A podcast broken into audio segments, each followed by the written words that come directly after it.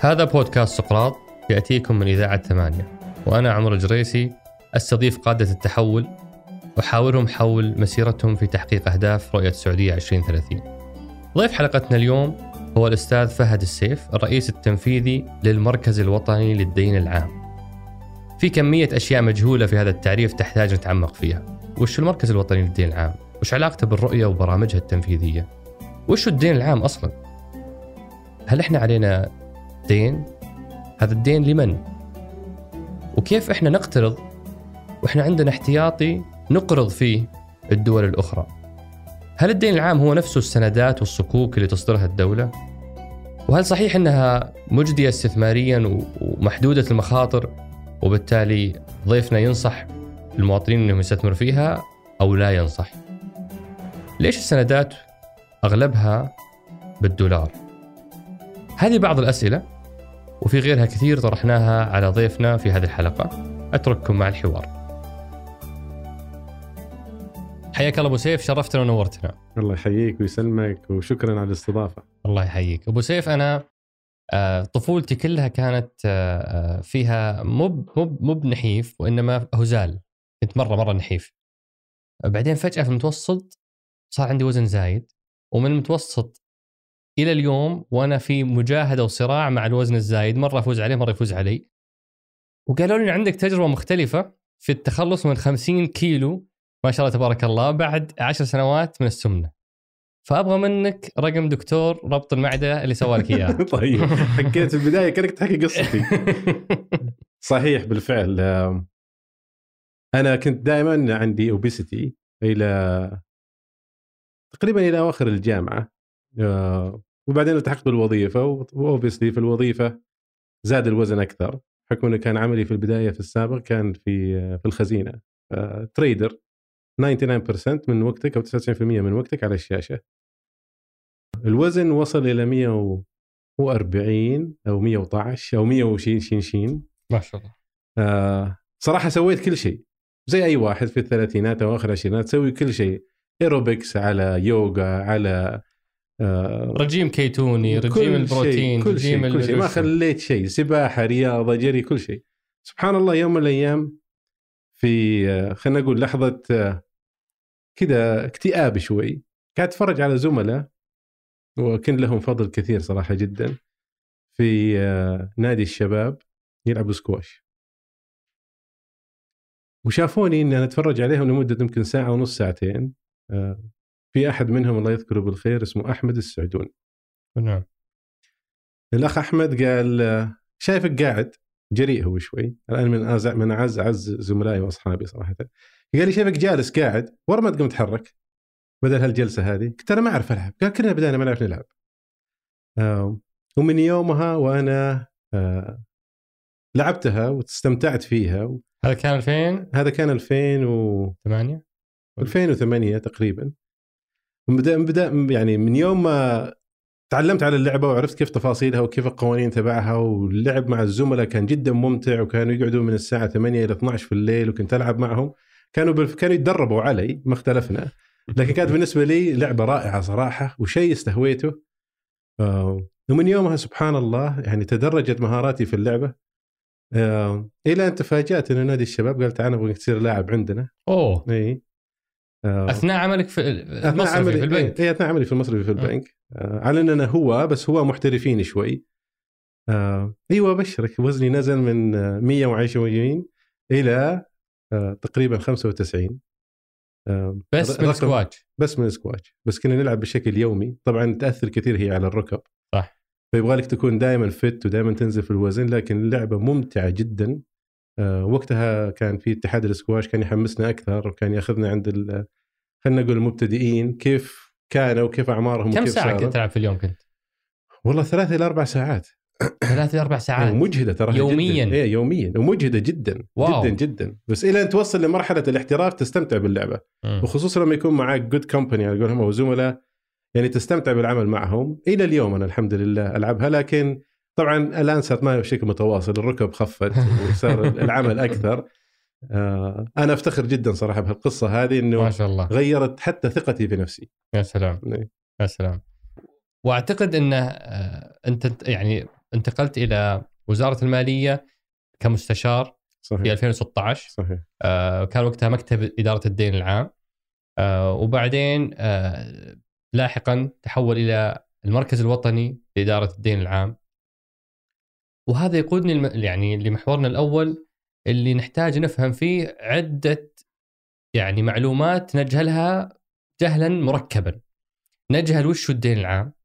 وش السندات؟ وش مركز إدارة هذا الدين العام؟ واضح. فعرفني أبو سيف من أنتم. طيب خلينا نبدا بمن أنا ومن أنتم. حلو. آه في 2016 آه تشرفت بأنه جاني اتصال. بحكم كان تخصصي وعملي السابق في القطاع الخاص له علاقة بأسواق المال خصوصا في أسواق الصكوك والسندات. آه ترتيب خلينا نقول إصدار الصكوك والسندات إلى جهات القطاع الخاص وحكومات. وكان الاتصال على إنه آه نبغى نستعيرك ونستعير خبراتك آه داخل آه آه في وزارة المالية على إنه كانت في فكرة إنه المملكة حتبدأ بترتيب أول إصدار عالمي آه ونحتاج سعوديين عندهم الخبرة آه وليش ما تأسس حاجة اسمها وحدة إدارة الدين العام آه من أمتع صراحة يعني السنين في الحياة المهنية تبعي 2016 اللي هي كيف تقدر الآن تنشئ عمل مؤسسي ما هو عمره سنة ولا سنتين مدى الحياة. وقتها كان العساف ولا الجدعان؟ وقتها كان معالي العساف. هو كان رئيس اللجنة أو هو كان رئيس اللجنة مع معالي محمد آل الشيخ آه، في رئيس اللجنة التنفيذية الخاصة بالإصدار الأول. وكان في مجموعة أخرى من من من جهات أخرى. آه، طبعا المركز أو في السابق كان اسمه وحدة إدارة الدين العام انتقلت مهامه إلى أن تسير مكتب حكم أن المهام زادت وأصبحت جزء من السياسة المالية الخاصة بالدولة.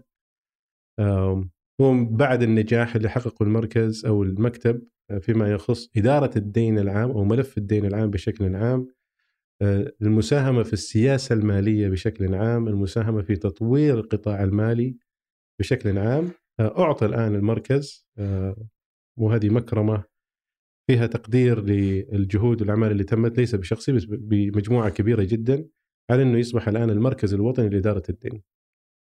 المركز الوطني لإدارة الدين مسؤولياته حسب النظام اللي صدر هو الإسهام في السياسة المالية فيما يخص سياسة الدين بالتحديد. رصد ومراجعة آه، ومعرفة مدى حجم الدين اللي موجود آه، في في الدولة آه، على القطاع العام وعلى القطاع الخاص بشكل دراسات ومن أهم مسؤولياته هو تمكين حكومة المملكه العربيه السعودية من التمويل في أي وقت كان بسعر عادل في إطار آه، محددات مخاطر آه، تكون موثوق عليها وموافق عليها استمرارية مما يمكن من استمرارية السياسة المالية للدولة.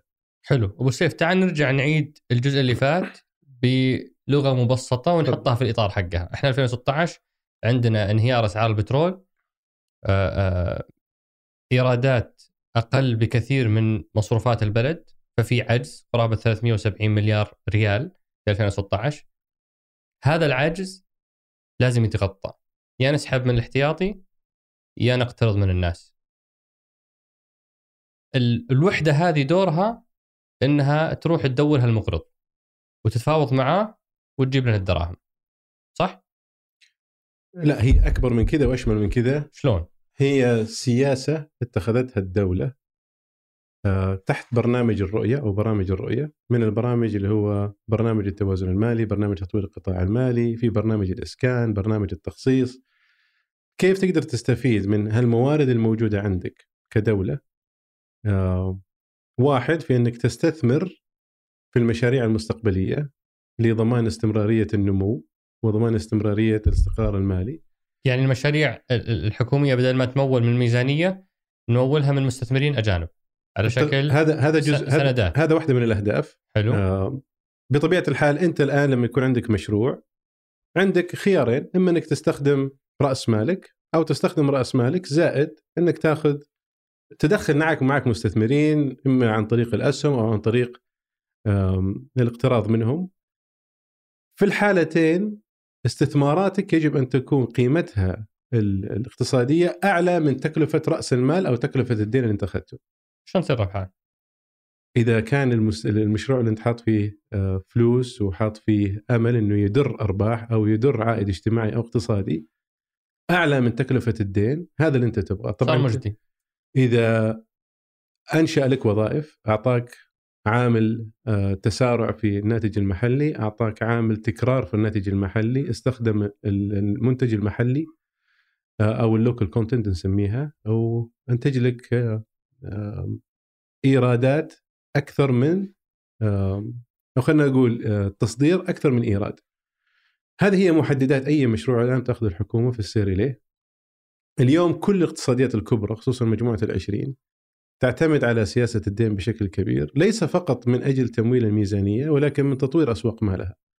إحنا دائما نطمح وهذا يمكن كيف يؤثر موضوع سوق الدين في تطوير أسواق آه، المال؟ طبيعي كل أسواق المال يعني العالمية أو خلينا نقول العالمية أو الدولية تعتمد بشكل كبير جدا على حركة الأموال أو رؤوس الأموال من جهة إلى جهة آه، ويمكن فسرها هنا معالي القويز في لقاء سابق عملته معه كيف نقدر نوفق ما بين رأسين؟ هنا في فرصة استثمارية وهنا في رأس مال. من نعطيها وثيقة. إما هي أسهم أو آه، صك.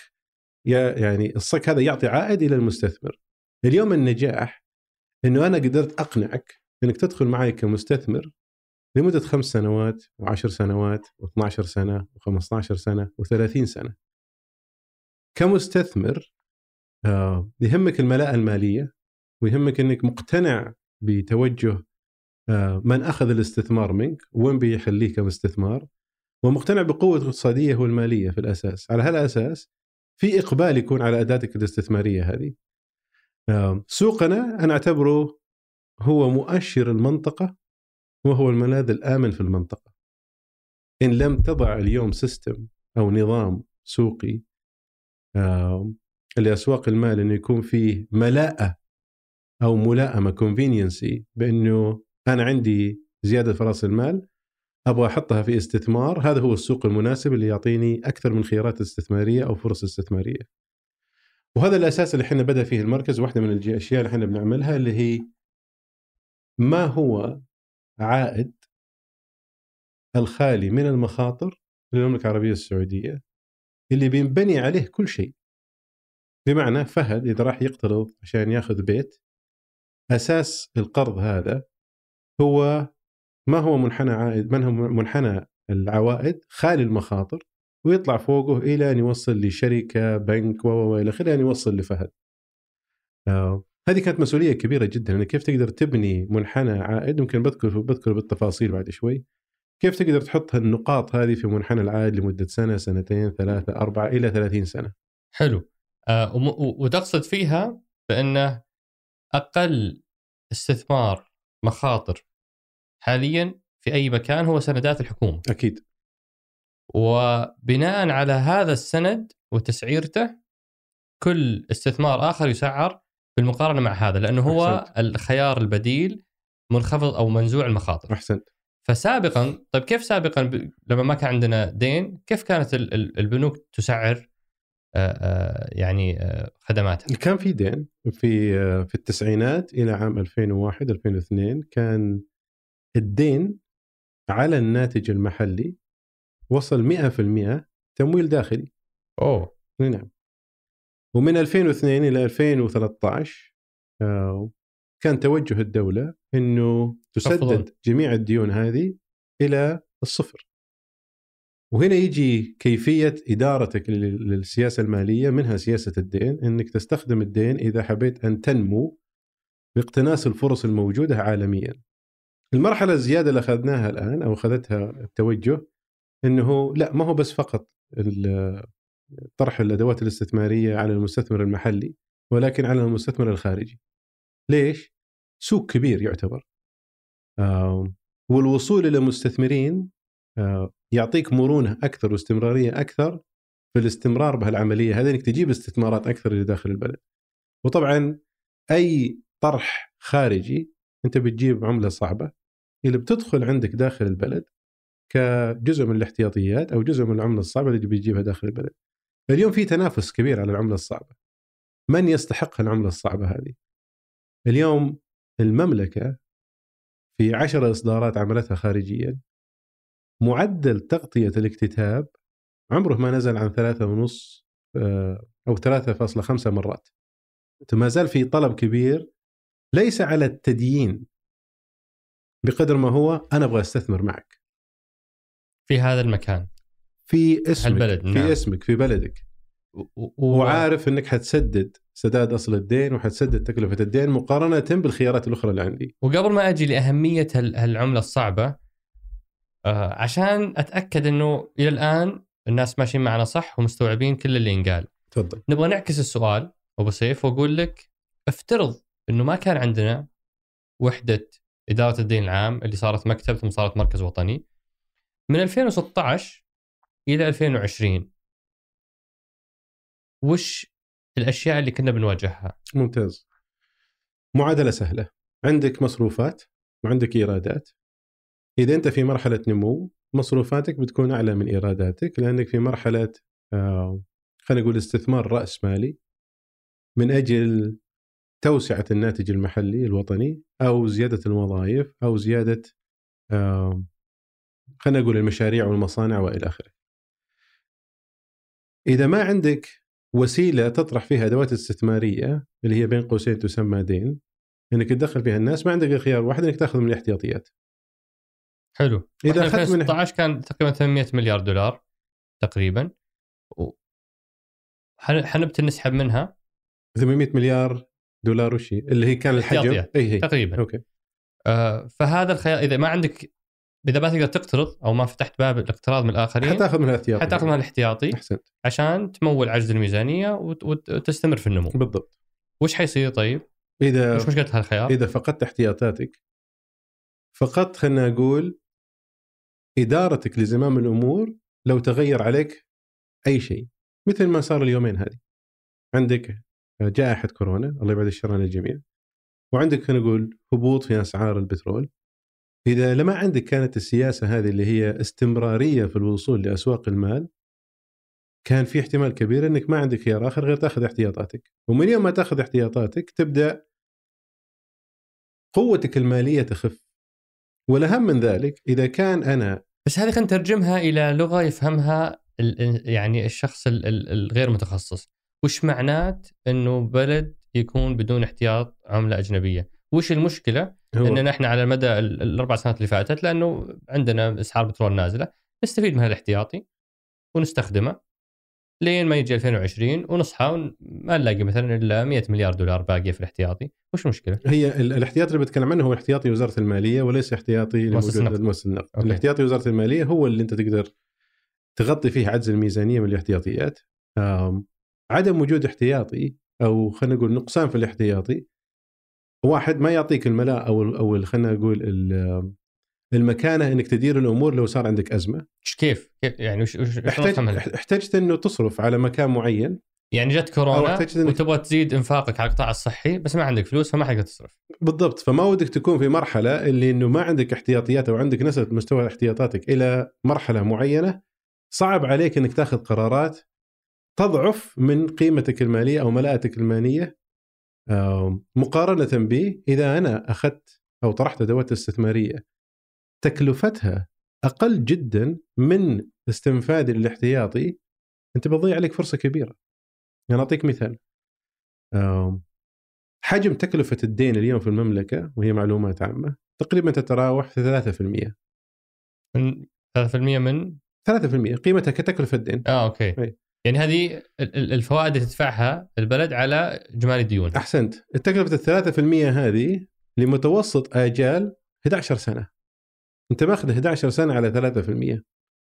الاحتياطي هذا أنا أقدر أحطه في استثمار بيعطيني أكثر من 3% وأقدر أستفيد منه كاحتياطي لأنه اسمه احتياطي إلى ظروف غير اعتيادية.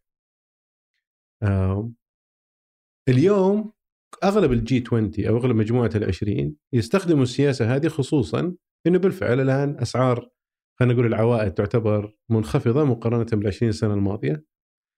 في إقبال على أدوات استثمارية تصدرها دول معينة. في دول أخرى ما زال عندها تكلفة الدين 6 7 9 10% آه، مقارنة بالمملكة مع تصنيف الائتمان السيادي العالي قوتها المالية العالية قوتها الاقتصاديه العالية قوتها المؤسسية العالية توجهها واضح.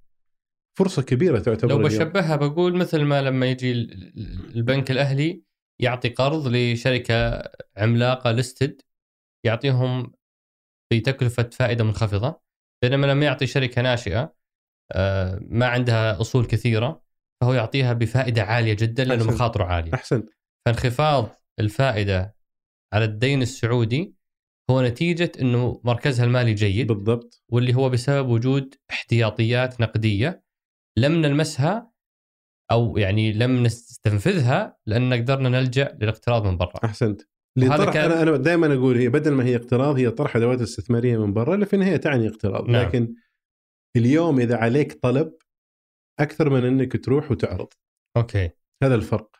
وهنا أبو سيف أظن نحتاج ننزل يعني في العمق حبتين ونفهم بشكل عام وش يعني سند وش الفرق بينه وبين الصك لأنه هذه هي الأدوات الاستثمارية الأشهر اللي أنتم تستخدمونها مم. صح؟ صحيح وش السند وش الصك؟ طيب محليا إحنا نصدر في عندنا برنامج سكوك محلي آه متوافق مع الشريعة الإسلامية آه تم الاتفاق عليه مع عندنا آه مجموعة من المؤسسات المالية اسمها متعامل الاوليين وغيرها برضه من المؤسسات المالية لجأنا إلى المتخصصين عندهم فيما يخص التمويل متوافق مع الشريعة الإسلامية وعملنا هالبرنامج هذا لسبب مرة مهم.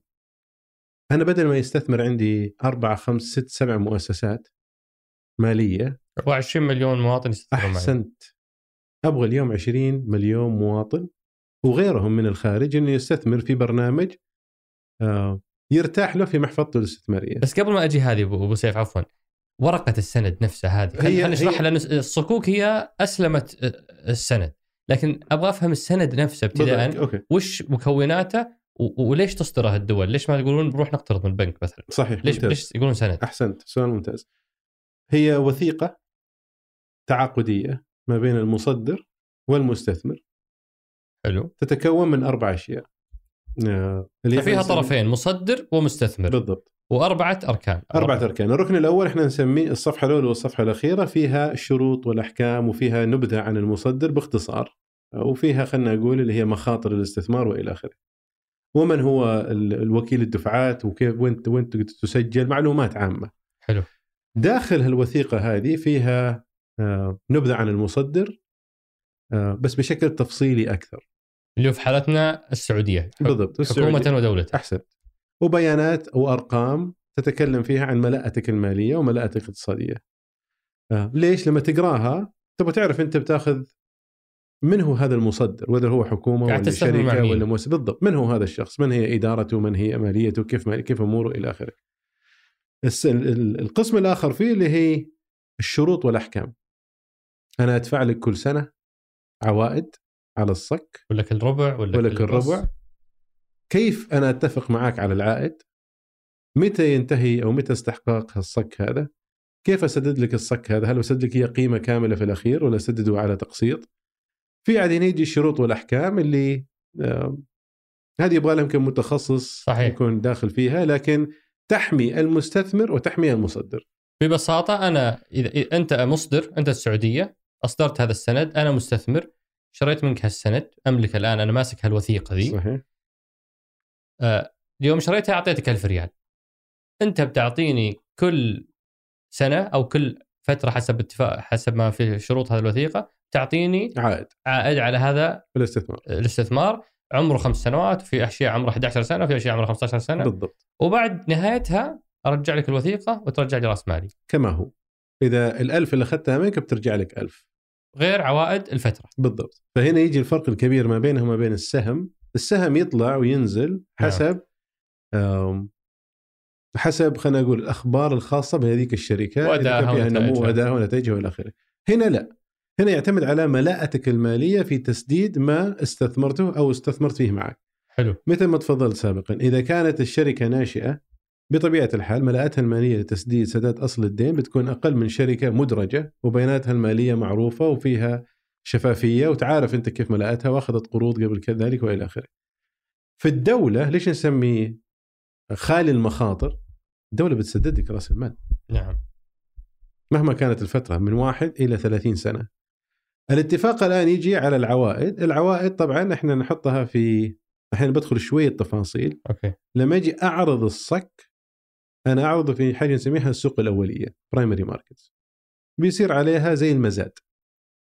إذا تبغى الخمسة سنوات ب 5% في غيرك يبغى الخمسة سنوات ب 4% أنا باخذ الأقل تكلفة علي. حلو. يجي الآن المرحلة الثانية اللي حط 5% أعطاني مثلا مليون اللي حط 4% أعطاني نص مليون هل آخذ المليون ولا آخذ النص مليون؟ يجي عاد هنا إدارة الدين. هل أحتاج المبلغ مقارنة تكلفة أو التكلفة مقارنة بالمبلغ؟ هنا يجي عاد إدارة استراتيجية للدين وتطلعاتنا للسوق وكم حتكون سعر التكلفة ومدى الإقبال في المستقبل ومدى السيولة في ال market إلى آخره. حلو فتجي الدولة وتصدر هال- هال- هال- هالسندات من اللي يشتري يشتريها؟ من اللي قاعد يعطينا اليوم فلوس؟ اليوم اللي قاعد يكتتب معنا في الاكتتاب الأولي وبالمناسبه هو شهري. آم، المؤسسات المالية يعني بهالبنوك وال capitals وال خلينا نقول المؤسسات المالية هي البنوك okay شركات التأمين آم، آه، اللهم صل على محمد اللي هي صناديق الاستثمار الخاصة والعامة والعائلية. وفي أفراد أوكي. بدأت الآن نشوف مؤخرا آه، أوقاف تجي كثير تستثمر لأنه استثمار سهل. وشبه مضمون. بالضبط. أنا باخذ منك هالوثيقة هذه مسجلة في آه، تداول وبشوف أنا حركتها. إذا ما بعتها في نهاية الأمر بيجيني رأس مالي لكن طول فترة استثماري فيها بيجيني عائد. عائد. عائد. انتهينا. و آه، وال- والنسخة ال خلينا نقول ال... ال... الإسلامية من السند هو الصك وهذا هو اللي أنتم تنتجونه للسوق المحلي. أنا دائما أقول هي متوافق مع الشريعة الإسلامية. متوافقة مع الشريعة أيوة. الإسلامية. النسخة المتوافقة مع الشريعة الإسلامية هي الص- الصكوك. صحيح. وهي اللي أنتم تصدرونها شهريا. محليا. و... و... وكم عائدها اليوم؟ تقريبا صدرنا إحنا قبل آه، ثلاثة أيام آه، تتراوح من الخمس سنوات إلى العشرين سنة. تقريبا الخمس سنوات تتراوح ما بين 1.8 إلى 1.9 آه، كل ما تبعد المدة كل ما يزيد كل ما. يحق لك إنك تاخذ عائد أكثر بحكم استمراريتك في هال في هال آه، المدة هذه في الاستثمار. الأشخاص اللي دائما يسألوني آه، آه، عندنا فلوس ونبغى نحطها في مكان بس خايفين عليها ونبغى ما يعني هذا تحويشة العمر. فأحد الخيارات هو إنك تشتري فيها صكوك صحيح. آه، إذا أنت حاط مثلا مئة ألف حيجيك 2000 سنويا. وبعدين ترجع لك ال ألف كلها. صحيح. آه، وبهذه الطريقة أنت ما حققت عوائد عالية لكنك ضمنت رأس مالك وضمنت استمرارية العوائد. استمرارية العوائد اللي حتصير. صحيح. بس هذه ما هي موجودة اليوم آه، في في السوق. ما أقدر أنا أفتح موقع تداول وأشتري صك. إلا كيف؟ في موقع تداول؟ طبعا. أقدر أدخل وأشتري صك اليوم؟ طبعا. واو. إلى 5 مليون تقدر تشتري وتبيع. إذا ما حبيت تشتري وتبيع أرخص. آه، وال- والسعر هو 1000 ريال. القيمة الاسميه أي. كانت مليون ريال. هذه واحدة من الإنجازات اللي عملناها. إلى أن تأكدنا إنها مسجلة في تداول. مدرجة في تداول ومسجلة مسجلة في شركة الأوراق المالية لضمان حقك وضمان حقي برضو. وتأكدنا انه السوق يقدر يبيع ويشتري فيها. وتأكدنا أنه في إقبال. وخلنا نقول في أصبح تجينا أسئلة كثيرة عن طريق الهاتف أو طريق الإيميلات. صار في وعي إنه كيف تت... كيف تت... نتعامل مع الصكوك وال... والسندات خصوصا الصكوك محليا. نزلنا القيمة الاسميه إلى 1000 ويجينا اليوم في في السوق الأولية عند الطرح آه، فهد السيف وسيف السيف وسارة السيف هو وأولاده آه، طالب لأولاده من 1000 ريال إلى 50 ألف ريال. مهم. ونعطيه الاكتتاب أو نخصص له من الاكتتاب القيمة لأن الأولوية للأفراد. الأولوية للأفراد. صحيح. اوه طبعا في مبادرات أخرى اللي إحنا كثير نشجعها اللي هي الصناديق الصنوق الص- الصكوك السيادية. وطرحت مؤخرا وبنشجعها كثير صراحة مع الشركات الأشخاص المرخصة اللي هي عن طريق مرخصة عن طريق هيئة سوق المال. آه، أنا أتمنى إني آخذ آه، أحط استثماري في صندوق صكوك سيادي خلاص أشيل ال- أنا أقول الصداع واخليه هو يتابع لي إياها. وبعد هو يقرر ياخذ 30 سنة 20 سنة خمس سنوات إلى آخره. اللي يهمني فيه إني أقدر أسيل. لو كل يوم أو كل أسبوع أو كل شهر. حلو. ومقدرة على التسييل وهذه موجودة الآن وصراحة ممتازة جدا واعلم انه عليها إقبال صراحة كبير. خلاص بتريحك إنه لا قدر الله احتجت الفلوس أو احتجت استثمارك إنه يرجع ترجع إلى مدير الصندوق هذاك وتقول والله أنا طلبت إني أسيل الآن. بتكلفة طبعا إنه هو بيدير لك إياها بالنيابه عنك جميل آه، آخر سؤال في محور من أنتم أبو سيف هو آه، آه، اليوم الرؤيه لها برامج تنفيذية فأي من برامج الرؤية التنفيذية أنتم تتبعون له وعليكم أهداف ومؤشرات منه. صحيح. أي أي أي البرامج؟ طبعا إحنا مرتبطين بشكل مباشر مباشر إلى برنامجين برنامج اللي هو التوازن المالي وبرنامج تطوير القطاع المالي. حلو. وش أهم مؤشراتكم فيهم؟ طبعا برنامج التوازن المالي اللي هو الاستمرارية في الدين. عندنا كان مثلا الدين على الناتج المحلي 30% مؤخرا تغير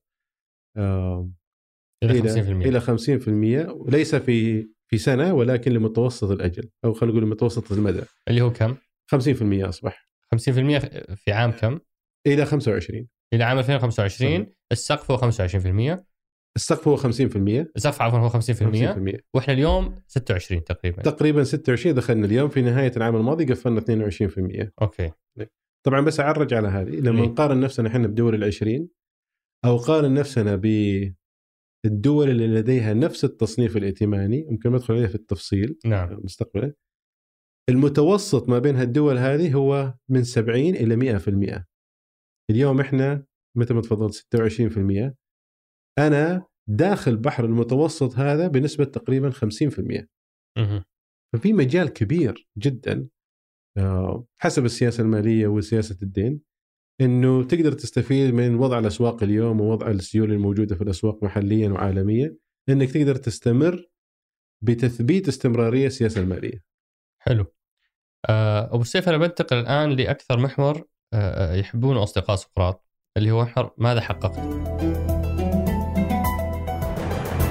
ودنا بلغة الأرقام تحدثنا عن أهم ما تحقق في المكتب اللي تحول إلى مركز على مستوى التأسيس على مستوى الإصدارات على مستوى التصنيف الائتماني وعلى مستوى آه، آه، إجمالي ال ال ال الإصدارات اللي صارت. واضح.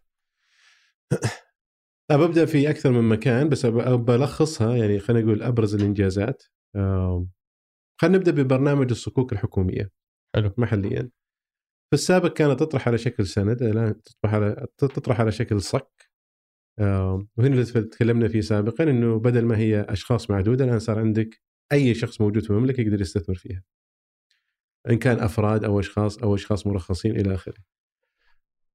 تسجيل كامل هالسندات هذه والصكوك في السابق ما كانت مسجلة وعشان ما قلت لك أنا يجي ملاءه السوق هنا وملائمه السوق اني أنا أستثمر فيه في البداية أنك تسجل جميع هالصكوك هذه إلى مركز التسجيل. اثنين إدراجها إن المستثمر أو خلينا نقول المهتم يشوف كم سعر السنة، كم سعر ال 20 سنة، كم سعر الثلاث سنوات إلى آخره ومنها تثقيف المستثمر. هذا برضو تم. صحيح. في السابق يعني كان الطرح خلينا نقول غير معلن. اليوم في تقويم موجود في الصفحة الخاصة بالمركز. تعرف اليوم إنه في كل شهر متى سيعلن عن الطرح ومتى تخصيص الطرح. في السابق كان نطرحه يوم أحد ونقفل يوم يوم اثنين. الآن اضطرينا إنه نغير التوقيت هذا لأنه نبغى ندخل المستثمرين من الخارج فغيرناه من سنة إلى سنة. ليش؟ لأنه الأسواق برا تكون مفتوحة من يوم الاثنين إلى يوم الجمعة عندنا الأسواق مفتوحة من يوم الأحد ليوم الخميس فحبينا نكون في وسط المكان هذا عشان نخلي يكون إقبال من المستثمرين برا إنه يجوا. عشان تضمن استمرارية آه، تطوير سوق المال تحتاج متعامل أولي اللي إحنا نسميها primary dealers. وين جبنا ال primary dealers؟ رحنا ولفينا وشفنا في أستراليا في بريطانيا في أمريكا في فرنسا آه، في نيوزيلندا في الهند في الأماكن والاسواق خلينا نقول اللي انطلقت أو تطورت بشكل واضح آخر خمس سنوات أو آخر عشر سنوات. كان جزء كبير من استقرار الطرح وإنه ما يكون في مزاحمة للقطاع الخاص ولا يكون فيه شفافية في الطرح ولا في شفافية في التسعير وإلى آخره. طرحنا حاجة نسميها متعامل الأوليين. هم خمسة مؤسسات مالية. وظيفتها أربع وظائف أو خمس وظائف الأولى إنه يشارك في الاكتتاب الشهري بشكل مستمر يأخذها هو يبيعها في السوق الثانوية بس إنه يشاركني في هالاكتتاب هذا. اثنين التسعير عشان كذا اليوم في تشوف في تداول في تسعير سعر شراء وسعر بيع بمبلغ 5 مليون ريال في أي وقت كان. وهنا فكرتها إنه وش لما يكون عندي خمسة متعاملين أوليين لأنه دائما كانت الناس تشتكي ما في سيولة. م.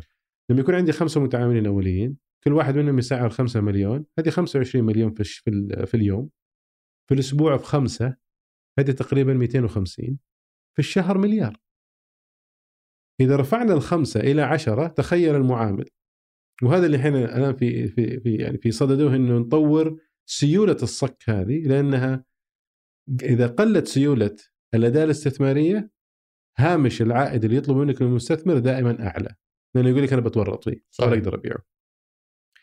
الرابعة أو الميزة الرابعة في المتعامل الأوليين إنه يسوق لك هالسندات هذه أو الصكوك هذه محليا وفي في المنطقة وفي الخارج وفي الأخير يكون مستشار لك أو ادفايزر لك.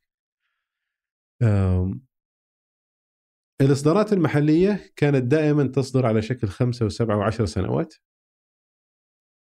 اليوم تأخذ أنت قرض سكني أكيد تبغى 20 سنة وخصوصا إنه متوسط الأعمار في البلد هي 30 فأقل فعندك مجال تأخذ 30 سنة 20 سنة 25 سنة طب هالمؤسسه المالية كيف بتسعر لك؟ فكان عندنا تحدي إنه كيف الأسواق الأخرى في الدول الأخرى سعروا ال 30 سنه أو سعروا أكثر من 10 سنوات. إحنا كنا نصدر 5 7 10 عملنا جهود وبالتنسيق مع مؤسسة النقد ومع هيئة سوق المال وبمجهودات الزملاء في برنامج تطوير القطاع المالي وبمجهودات برضو المتعامل الأوليين. والفيدباك اللي يجينا إنه مددنا المنحنى العائد إلى 12 سنة وبعدين 15 سنة وبعدين 30 سنة. اليوم عندنا صكوك 30 سنة. بالضبط. ما كان أحد يتوقع إنه في طلب على 30 سنة. ما طرحناها مرة ولا مرتين خمس مرات. وعليها طلب كبير. ليش؟ في مستثمرين يقول لك أنا باخذ مستثمر طويل المدى. وفيه برضو حاجة للتسعير إلى خلينا نقول أعلى من من المدى المتوسط إلى المستوى البعيد. طبعا تشجيع وإطلاق الصناديق الاستثمارية أو صناديق الصكوك الاستثمارية داخل المملكة. هذا بيأمن لك خلينا نقول خيارات في الاستثمار. زي ما عندك صندوق عقاري عندك صندوق صكوك سيادية. وتصير هنا بعدين عامل المستثمر هو اللي يقرر أنا أحط استثماري هنا وهنا بناء على العوائد. هذا بالنسبة محليا خارجيا التحدي الأكبر كان إنه في 2016 وش قصتك؟ إيه معي؟ وش بتقول للناس؟ أنا من ما هي النبذة أو ما هي خلينا نقول الديسكلوجر أو من هو المصدر اللي أنت بتقولها للناس؟ وش علاقتك مع الناس؟ هل هي علاقة قصيرة المدى ولا طويلة المدى؟ فالمستثمر الخارجي وطبعا هذا توجه دولة رأى إنه والله مستوى الشفافية قاعد يزيد خصوصا من وزارة المالية وهذا توجه وزارة المالية وخلنا نقول انتهجته برضو المركز الوطني لإدارة الدين اللي هي الشفافية في حجم الديون اللي موجودة عندي ومددها وتكلفتها ومحليا ولا خارجيا. طبعا المستثمر اللي برا يبغى منك ثقة في التعامل التواصل والشفافية ما تأخذ دراهم وتمشي ويسألك أسئلة ما تعرف تجاوبه فأخذنا الموضوع هنا بشكل يعني آه وهذا توجه من معالي وزير المالية آه في الوزارة وفي المركز إنه واجبنا تجاه المستثمر التواصل معه في المعلومة. إذا أنا أعطيته المعلومة ما حيقرأها من مصدر آخر. اللي يحتاج اقعد أفسر فيها آه وأخذ جهد وتعب ويعني وخلنا أقول وقت في إنه أعيد تفسيرها له بدل ما هي منشط أو هيدلاين في 2016 عملنا جولات زيارات كثيرة. ركزنا فيها طبعا على أوروبا وبريطانيا وركزنا فيها على الأمريكا وركزنا فيها على الشرق اللي هي اليابان آه، الصين هونغ كونغ ماليزيا سنغافور إلى آخره. اليوم صار عندنا يعني خلينا نقول أساس من المستثمرين فيهم ال ال الولاء إلى الورقة السعودية بشكل كبير جدا ولا ما يصير في عشرة مرات تطرح ويجيك زيادة. هذا لأنه إحنا متواصلين معهم بشكل مستمر تعطيهم المعلومة بشكل مستمر. صار حاجة في أسواق العالم بيتواصلوا معك. ولقيتوهم يتكررون؟ يعني جدا. اللي طبعا. معكم في إصدار هو نفسه يرجع يشتري مرة ثانية أحسن. اللي بعده. اكزاكتلي طبعا التحدي عندنا ما هو اللي يرجع ياخذ التحدي عندنا كيف تقدر تكبر إحنا نسميها بشكل أفقي وبشكل عمودي. أفقي وش يعني؟ إنه أنا أبغى يجيني مستثمر مؤسسي مستثمر من الصناديق الخاصة مستثمر من يسموهم عندهم البريد وعندهم البنشنز وعندهم تقاعد. صناديق التقاعد نعم. وإلى آخره والأوقاف. وال وال والأفقي اللي هو لا أنا أبغى من طوكيو إلى نيوبورت بيتش في كاليفورنيا. عشان ما تزعل عليك واحدة من ذولي ثم فجأة تسحب أحسنت. مبالغها بالضبط. وهذا هذا جزء مرة مهم لأنه ال ال ال الشرق والغرب ما يقرأ الأسواق نفس الشيء. أحيانا تلقى السوق أخضر في في غرب العالم وتلقاه أحمر في شرق العالم. آه، إذا ما عملت توزيع geography وتوزيع حسب التصنيف المستثمرين محكم الورقة تبعك تنباع وتنشر ويطلع سعرها وينزل سعرها. ورقتك لازم تكون ثابتة بثبات خطواتك. إحنا دائما نقول للمستثمرين كذا خطواتنا ثابتة عارفين وين متجهين ولهالأساس إحنا نبغى نكون مؤشر المنطقة وأظن نجحنا فيه. يعني كان أملنا خلينا نقول متوسط المستثمرين بمصدر كالمملكة 600 700 مستثمر. إحنا عندنا أكثر من 1400 1400 مستثمر. مستثمر. عالمي مؤسسي حول العالم. وأكثر واحد بعدنا يعني خلينا نقول المتوسط هي من 600 ل 800 أنت تقريبا الضعف وش أكبر سوق للسندات في الشرق الأوسط؟ كمصدرين ولا كتداولات؟ ك... كمصدرين كمصدرين يعني خلينا نقول دول الخليج بالإضافة إحنا يمكن خلينا نقول شرق أوروبا برضو يعتبروا في نفس في نفس ال level تبعنا. وإحنا نقارن نفسنا عندنا proxies أو عندنا خلينا نقول دول مقارنة من شرق آسيا ومن شرق أوروبا آه، ومن خلينا نقول أوروبا آه، خصوصا من الدول العشرين. نقارن نفسنا بنا أو نقارن نفسنا فيها بما يخص تكلفة الدين متوسط الآجال الشفافيه آه، عدد المستثمرين التسعير مكرر تغطية هذا كم مرة انباع وانشرى الصك أو السند ومدى خلينا نقول عامل التذبذب إذا صار في خبر عالمي مدى تذبذب الورقة تبعك مع هالخبر هذا. حلو. وهنا أبو سيف أنا بطرح سؤال طرحته على آه، أبو نواف معالي آه، عبد العزيز فريح في حلقة سابقة و... نعم. و... وجاوبني بس إجابة يعني آه، من زاويته الحين أبي الإجابة منك أنت. سم. دائما نشوف في الأخبار نجاح السعودية في إصدار يعني في في إصدار يعني جولة من الديون أو أو في في إصدارها من الديون مدري كذا نجاح السعودية. ليش تعتبرون اقتراضنا نجاح؟ وليش آه، يعني آه، آه، تسمونه نجاح؟ وحنا يعني قاعدين نروح نتسلف من الناس. هذا اولا. وثانيا أنت تعطي مستثمر عائد شبه مضمون في بلد من الجي 20 اقتصادها. فوش النجاح اللي قاعدين تحتفلون به؟ لأنه يعني ماني قادر أفهمه. ممتاز. سؤالك في محله. أنا اليوم أسألك عمر تقدر تحط فلوسك 40 سنة في إصدار أنا بعطيك إياه؟ والله ما أدري بحاول بقرأ وبشوف نشاط كون إصدار وبشوف العائد وبشوف إذا جيت قلت لك أنا جاني طلب وأنا أبغى 5 مليار وجاني طلب 30 مليار ل 40 سنة. وش يعني؟ ما هو أذكى منك؟ أي. صح ولا لا؟ بس هنا في رسالة. الرسالة هي وش هي؟ عندك منتج مغري مطلوب. وعندك منتج آمن. أقدر أحط فلوسي فيه. ففي ثقة في هالبلد وإقتصادها. أحسنت. وفي توجهها وين رايح وين متجه إلى درجة أنا بعطيك 40 سنة. أعطيك مثال. في أبريل الماضي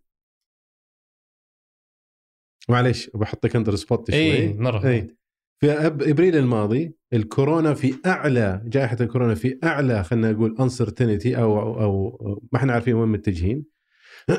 وفي حديث كثير انه اقتصاديات العالم ممكن تدخل كساد و إلى آخره وتطلع المملكة الساعة 8 الصبح تعلن.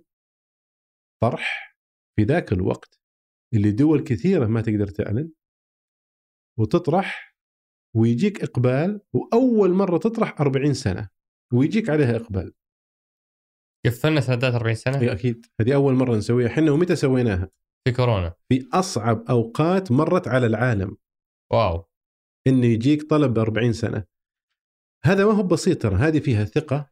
لأنه إحنا نؤمن ب فاحتفالكم هو بثقة العالم باقتصاد السعودية هو أكثر- ونظرتهم المستقبليه هو أكثر من احتفال هو تأكيد okay. انه المملكة ملاذ آمن ومؤشر للمنطقه ما يحتاج إنك تدور وين تحط استثمارك. في مكان already اليوم معروف ومضمون عوائده واستثماراته انه بترجع لك.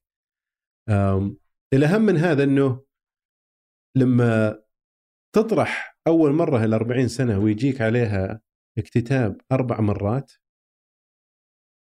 لمدة 40 سنة وأنا تو سألتك تقدر تحط فلوسك 40 سنة تقول أبو هوجس وبالفعل ما الومك أبو هوجس لأنه هذه يبغى لها يعني خلينا نقول مهنية من مؤسسات تعرف مدى إمكانية إنه تقدر تسد ومدى إمكانية إنه والله أنا حطيت استثماري مع المملكة مقارنة بدول أخرى.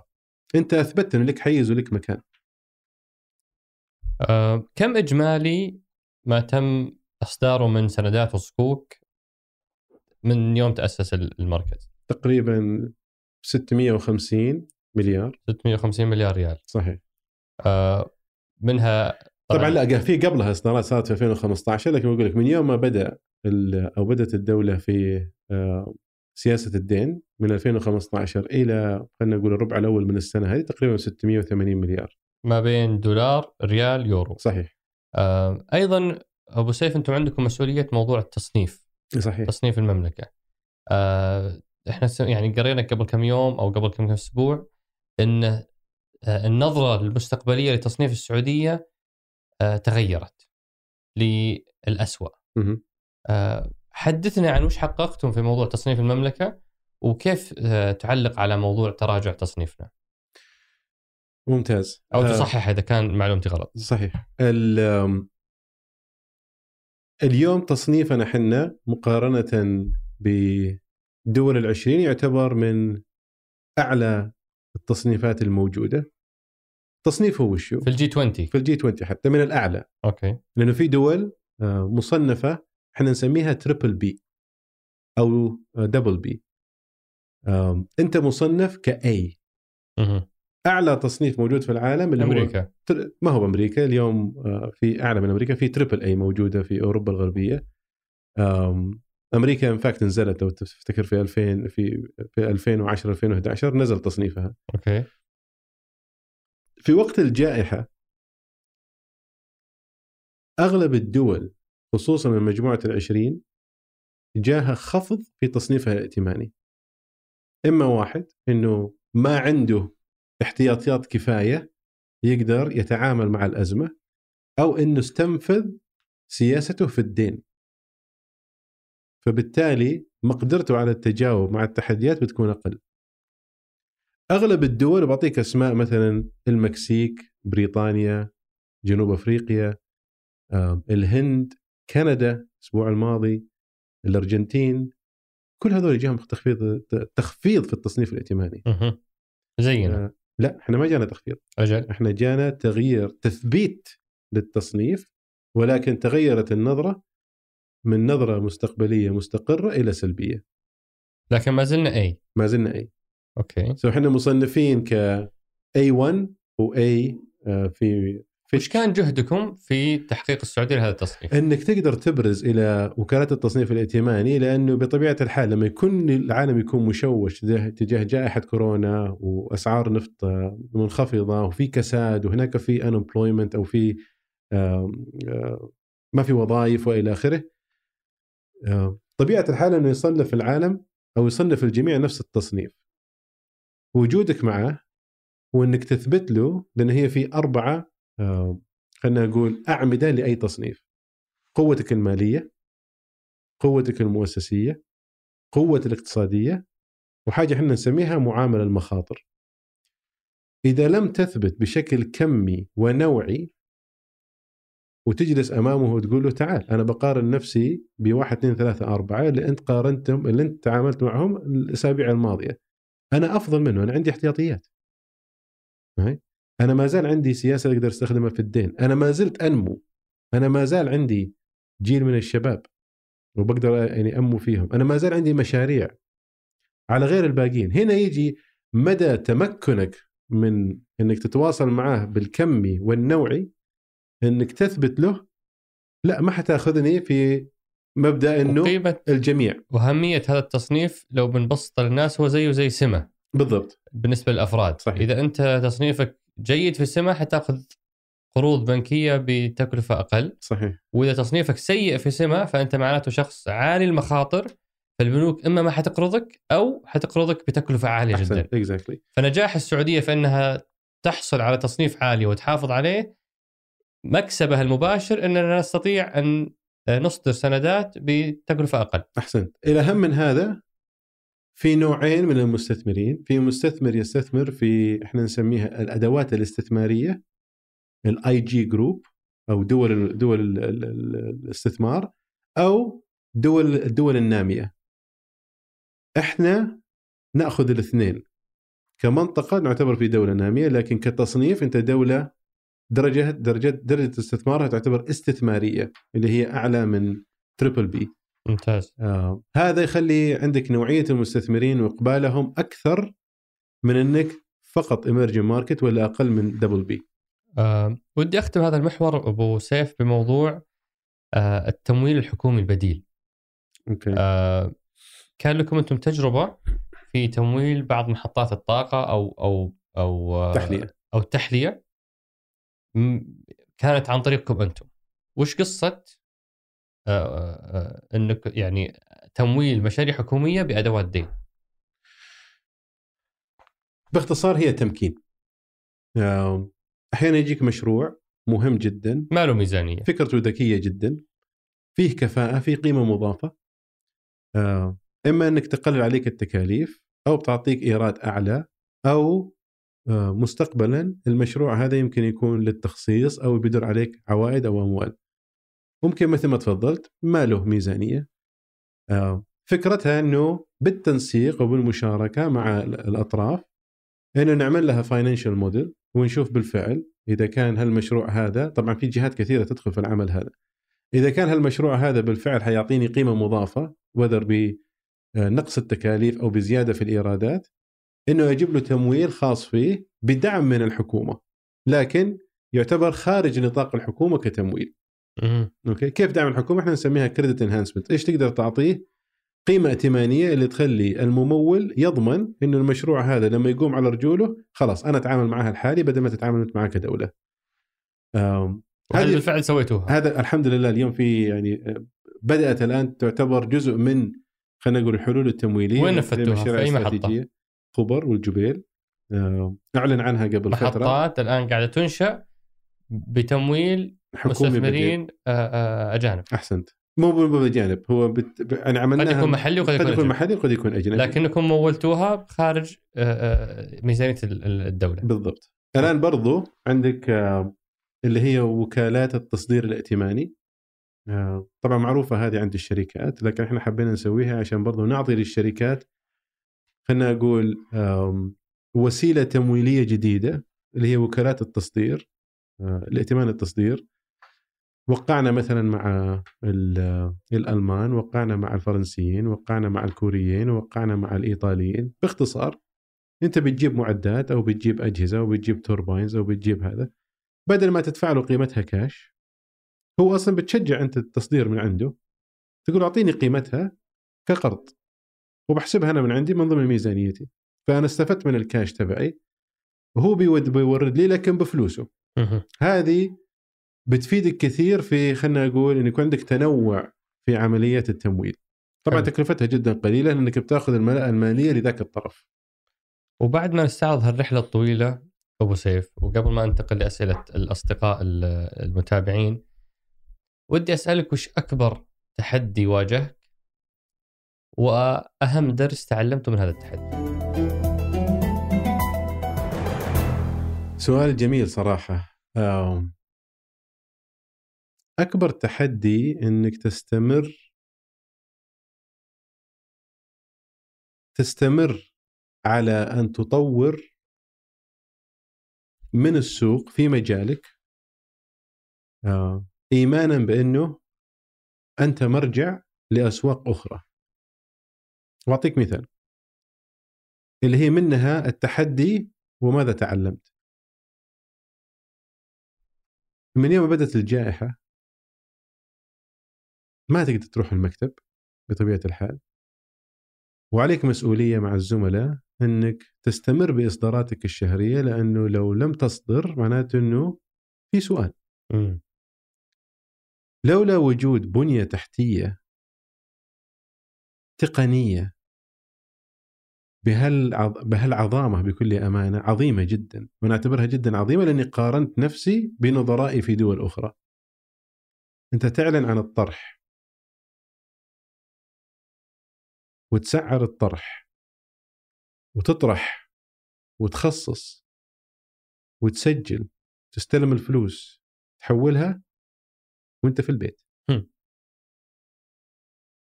وصارت إصدارات محلية وخارجية وتقابل المستثمرين وتقنعهم وتتناقش معهم وأنت تستخدم ال VC تبعك وتليفونك أو الإنترنت.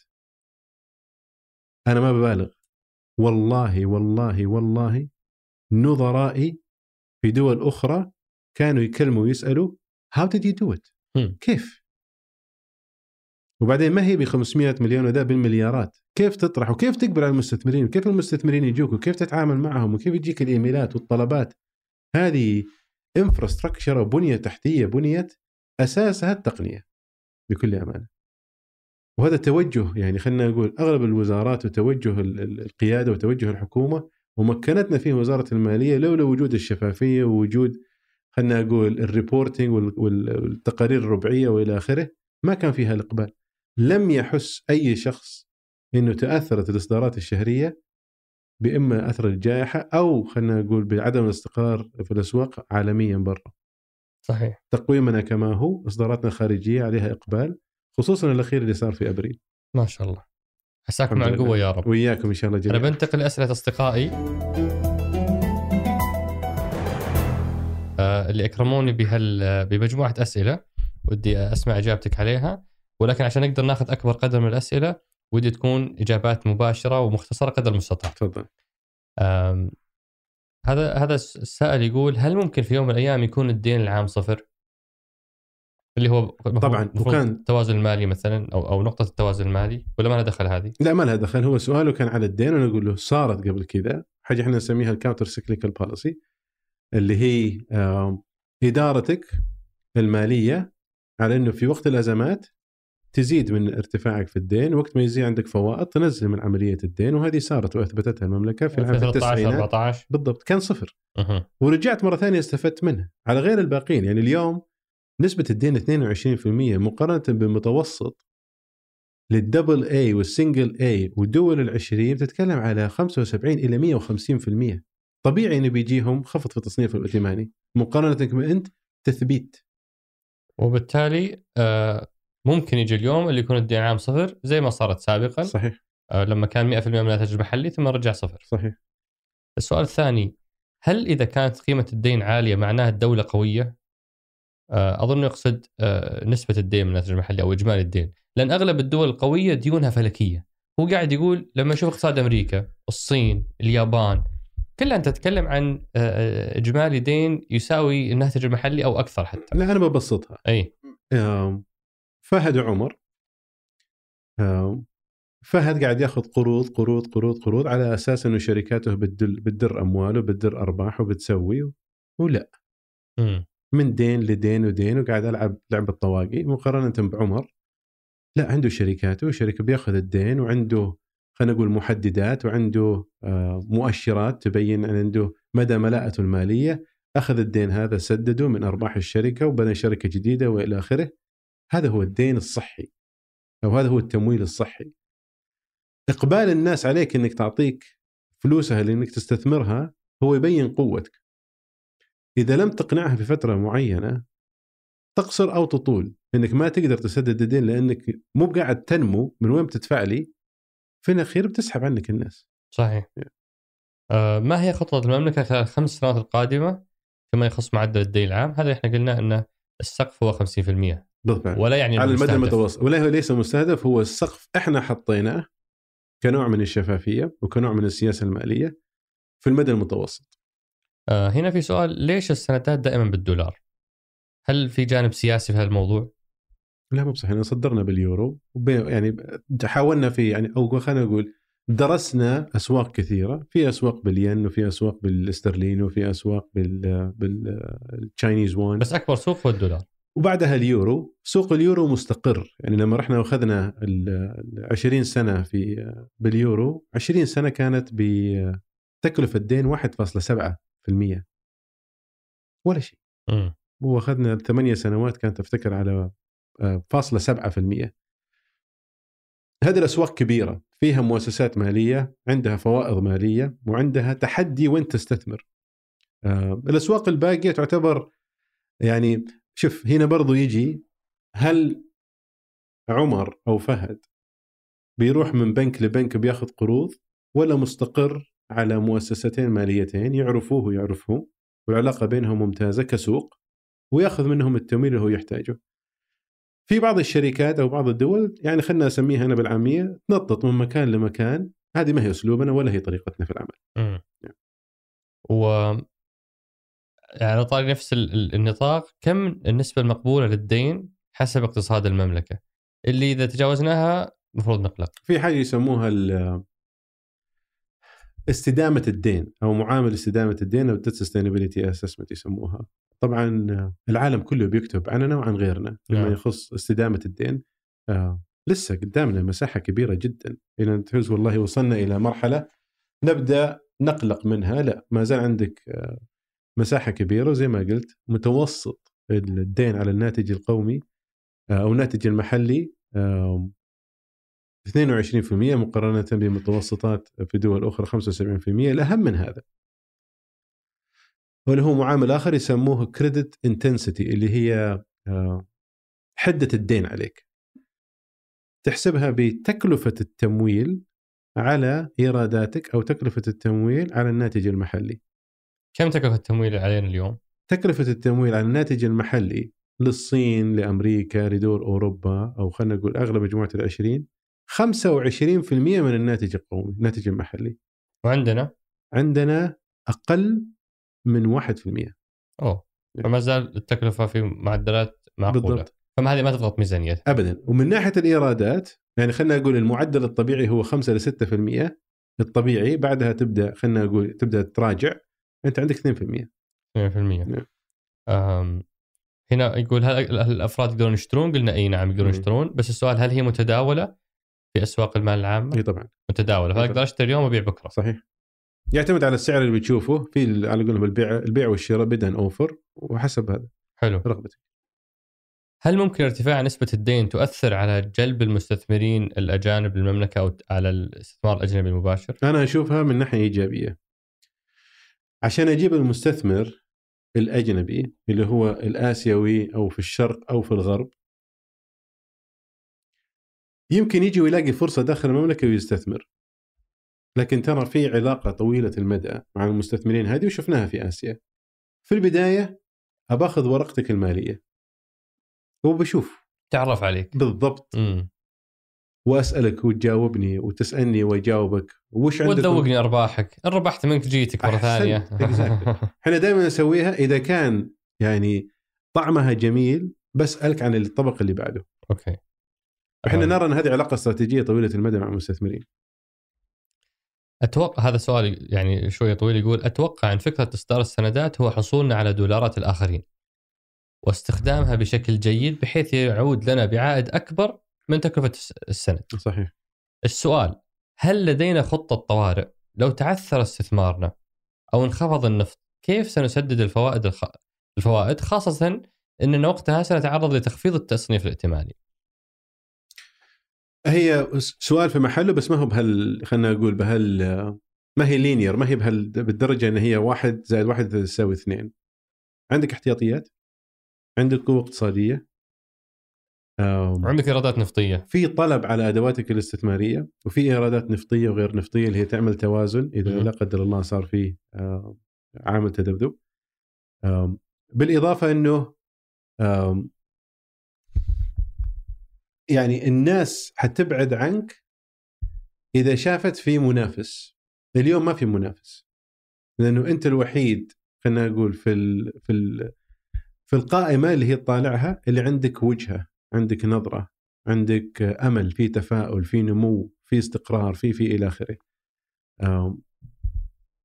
نزول طبعا أسعار النزول خلينا نقول الإيرادات ونزول ال ال الاحتياطيات بيأثر عليك لكن هذا طبعا جزء من السياسة المالية وبيراقب. نتأكد إنه هالأمور كلها دائما في وضع جيد دائما. التصنيف الائتماني هو مؤشر. يعني نعطيك حاجتين الآن صايرة مؤخرا إحنا نعتبرها جدا أو نراقبها بشكل أساسي. التصنيف الائتماني يقراك للمستقبل. وهذا طبعا دائما يعني نحط عليه وقت وجهد كبير جدا انه نتأكد من إنه التصنيف الائتماني هو هذا مكانه. اثنين سعرك في السوق كم؟ السوق هو مرايتك. إذا أنا طرحت الصك وهنا يجي شوية فيها صعوبة بس بحاول آخذ وقتي فيها. إذا تطرح الصك إما بقيمة الأسمية أو بالعائد. معي عمر؟ حلو. إذا طرحته أنا بعائد 4% اليوم الثاني صار ينشرى على عائد 3.5% إيش معناته؟ معناته زين أحسنت هذا اللي قاعد يصير في صكوكنا وسنداتنا برا نطرح بسعر قد ما تتطور وتتقدم تاخذ منك أو تاخذ الناس سعر عائد أقل. فاللي شرى مننا ربح من ورانا. أحسنت. هذا جانب. ممكن يكون لأنك أنت تطورت أو يكون غيرك تدهور. امم هنا يجي عامل السوق. فورقتك هي مرايتك. أوكي. آخر سؤال أبو سيف. صف لنا شكل السعودية في 2030 من حيث مستويات الدين ونضج هذا القطاع. في السعودية. العمل والجهد كله ماشي وسائر على إنه السوق المملكي يكون هو سوق عالمي. ويكون خلينا نقول صناعة المال والأعمال وصناعة التمويل تكون داخل المملكة بإذن الله، أنا يعني مؤمن بهذا وهذا عملنا وهذا توجهنا وهذا التوجيه اللي جانا. أنا أشوف المملكة في 2030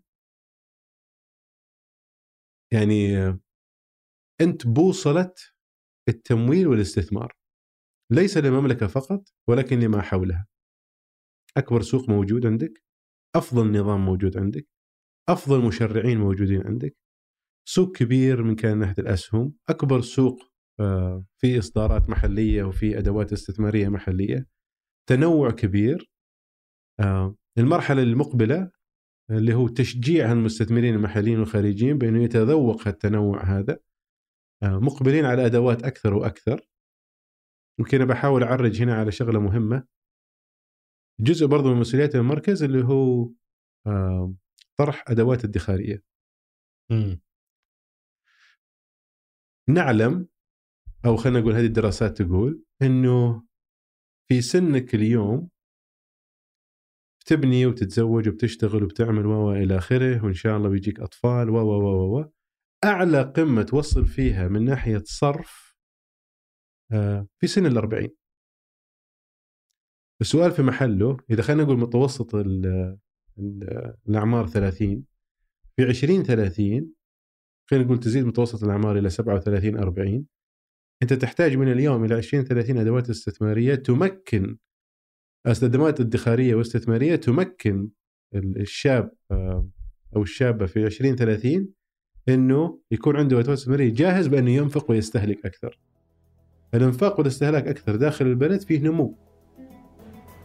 هذا نشوفه في 20 30 إنه بإذن الله سوقنا هو سوق عالمي يجذب صناعة التمويل. بإذن الله تعالى. إن شاء الله. سعدت بالحديث معك أنا أكثر والله. شكرا لك. إن شاء الله كنت خفيف ظل. ما قصرت. وإن شاء الله يكون فيها فائده الموضوع يعني متخصص ومعقد ولكنك ما شاء الله إن شاء الله قدرت تبسطه. لنا والمستمعين الله يسلمك. شكرا لك شكرا جزيلا سيدي. الله يحفظك.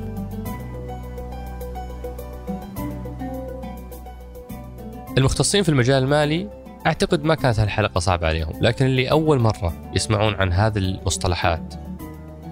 أتمنى اننا نكون قدرنا نبسطها لكم ونوصلها بالشكل المناسب.